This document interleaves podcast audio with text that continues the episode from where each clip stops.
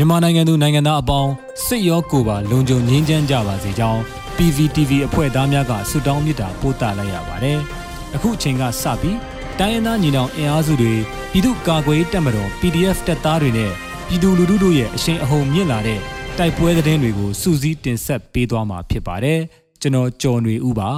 ။ပထမဦးစွာဖေခုံမိုးပြဲအင်းအရှိဘက်ချမ်းတွင်ဆယ်ရက်အတွင်းတိုက်ပွဲများမှာစစ်ကောင်စီဘက်မှ30ဦးထက်မနည်းသေဆုံး ကရင်နီပူးပေါင်းတပ်ဖွဲ့မှ3ဦးကြဆုံးတဲ့တဲ့တင်တင်ဆက်ပါမယ်။ရှမ်းကရင်နီအဆက်ဖေခုံမြို့နယ်မိုးပြဲအင်းအရှိဘက်ချမ်းမှာမေလ15ရက်မှစတင်ကဖြစ်ပွားတဲ့တိုက်ပွဲများအတွင်းစစ်ကောင်စီဘက်မှ30ဦးထက်မနည်းသေဆုံးက KNDF ရဲဘော်တဦးနဲ့ဖေခုံ PDF တပ်ရင်း2မှရဲဘော်2ဦးကြဆုံးခဲ့ကြောင်းသတင်းရရှိပါတယ်။ မေလ12ရက်နေ့နက်မှာထီရိကျေးရွာရှိအကျန်းဖတ်စစ်ကောင်စီတပ်နဲ့လက်ပါစီ PNO ပြည်သူ့စစ်များတက်ဆွဲထားတဲ့ဂိတ်စခန်းကိုကရင်နီပူးပေါင်းအဖွဲ့ကဝင်ရောက်တိုက်ခိုက်ရာစစ်ကောင်စီတပ်နဲ့ PNO ဘက်မှဗိုလ်မှူးအပါအဝင်15ဦးသေဆုံးပြီး9ဦးကိုကရင်နီတပ်ဖွဲ့များကအရှင်ဖမ်းမိခဲ့ပြီးနောက်စစ်ကောင်စီတပ်ဟာအင်အားအလုံးရင်းဖြင့်အင်းအရှိဘတ်ချမ်းကျေးရွာများကိုထိုးစစ်ဆင်လာပြီးတိုက်ပွဲများပြင်းထန်ခဲ့ခြင်းပါ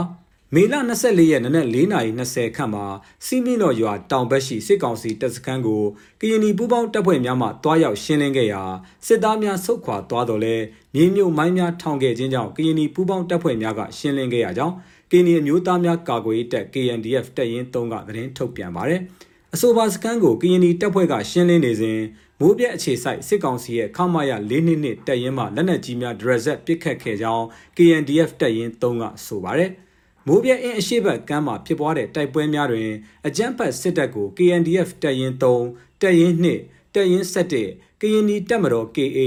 SSRY ဖေခုံ PDF တပ်ရင်း2တို့ကပူးပေါင်းခုခံတိုက်ခိုက်ခဲ့ကြောင်းသိရှိရပါတယ်။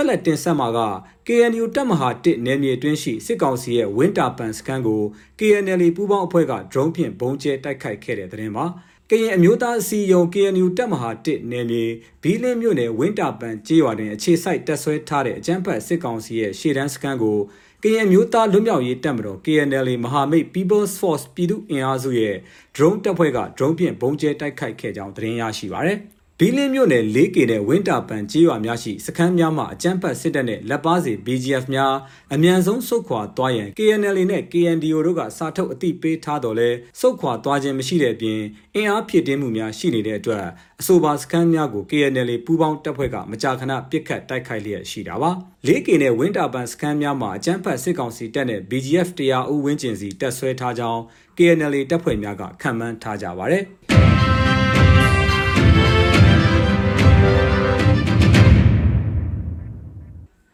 ချောင်းဦးမှာပြည်သူပိုင်ပစ္စည်းများခိုးဆိုးလူရက်နေတဲ့စစ်ကောင်စီစစ်ကြောင်းကိုမိုင်းဆက်တကြိမ်ဆွဲတိုက်ခိုက်မှုစစ်သား36ဦးထိခိုက်ဒေဆုံးတဲ့တဲ့ဆက်လက်တင်ဆက်ပါမယ်။စကိုင်းတိုင်းချောင်းဦးမြို့နယ်မှာကင်းမွန်တော်ပြူစောတိကြီးရွာရှိစစ်ကောင်စီလက်နက်ကင်များနဲ့ပြူစောတိအင်အား90ခန့်ဟာမဲတဲကျိုးကွင်းသို့ထွက်ခွာ၍ပြည်သူပိုင်နေအိမ်များကိုခိုးယူလူရက်နေတာကြောင့်၁၀ကြိမ်မိုင်းဆွဲတိုက်ခိုက်ရာစစ်သားစုစုပေါင်း36ဦးထိခိုက်ဒေဆုံးခဲ့ကြောင်းသိရှိရပါတယ်။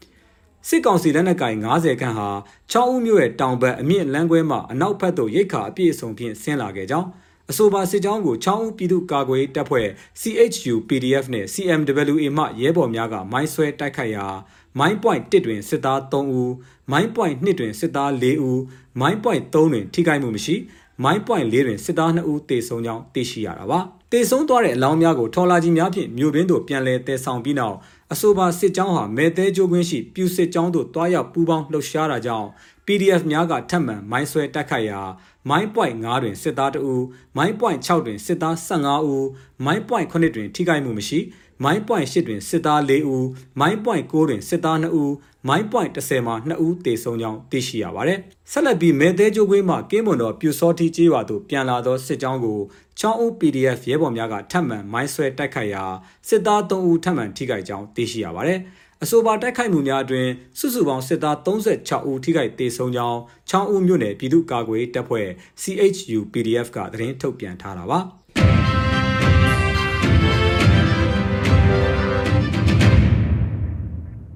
နောက်ဆုံးအနေနဲ့အမျိုးသားညီညွတ်ရေးအစိုးရပြည်ထရေးနဲ့လူဝင်မှုကြီးကြပ်ရေးဝန်ကြီးဌာနက2022ခုနှစ်မေလ25ရက်ရက်စွဲနဲ့ထုတ်ပြန်ခဲ့တဲ့ပြည်သူ့ခုခံတော်လှန်စစ်သတင်းအချက်အလက်တွေကိုတင်ဆက်ပေးသွားမှာပါ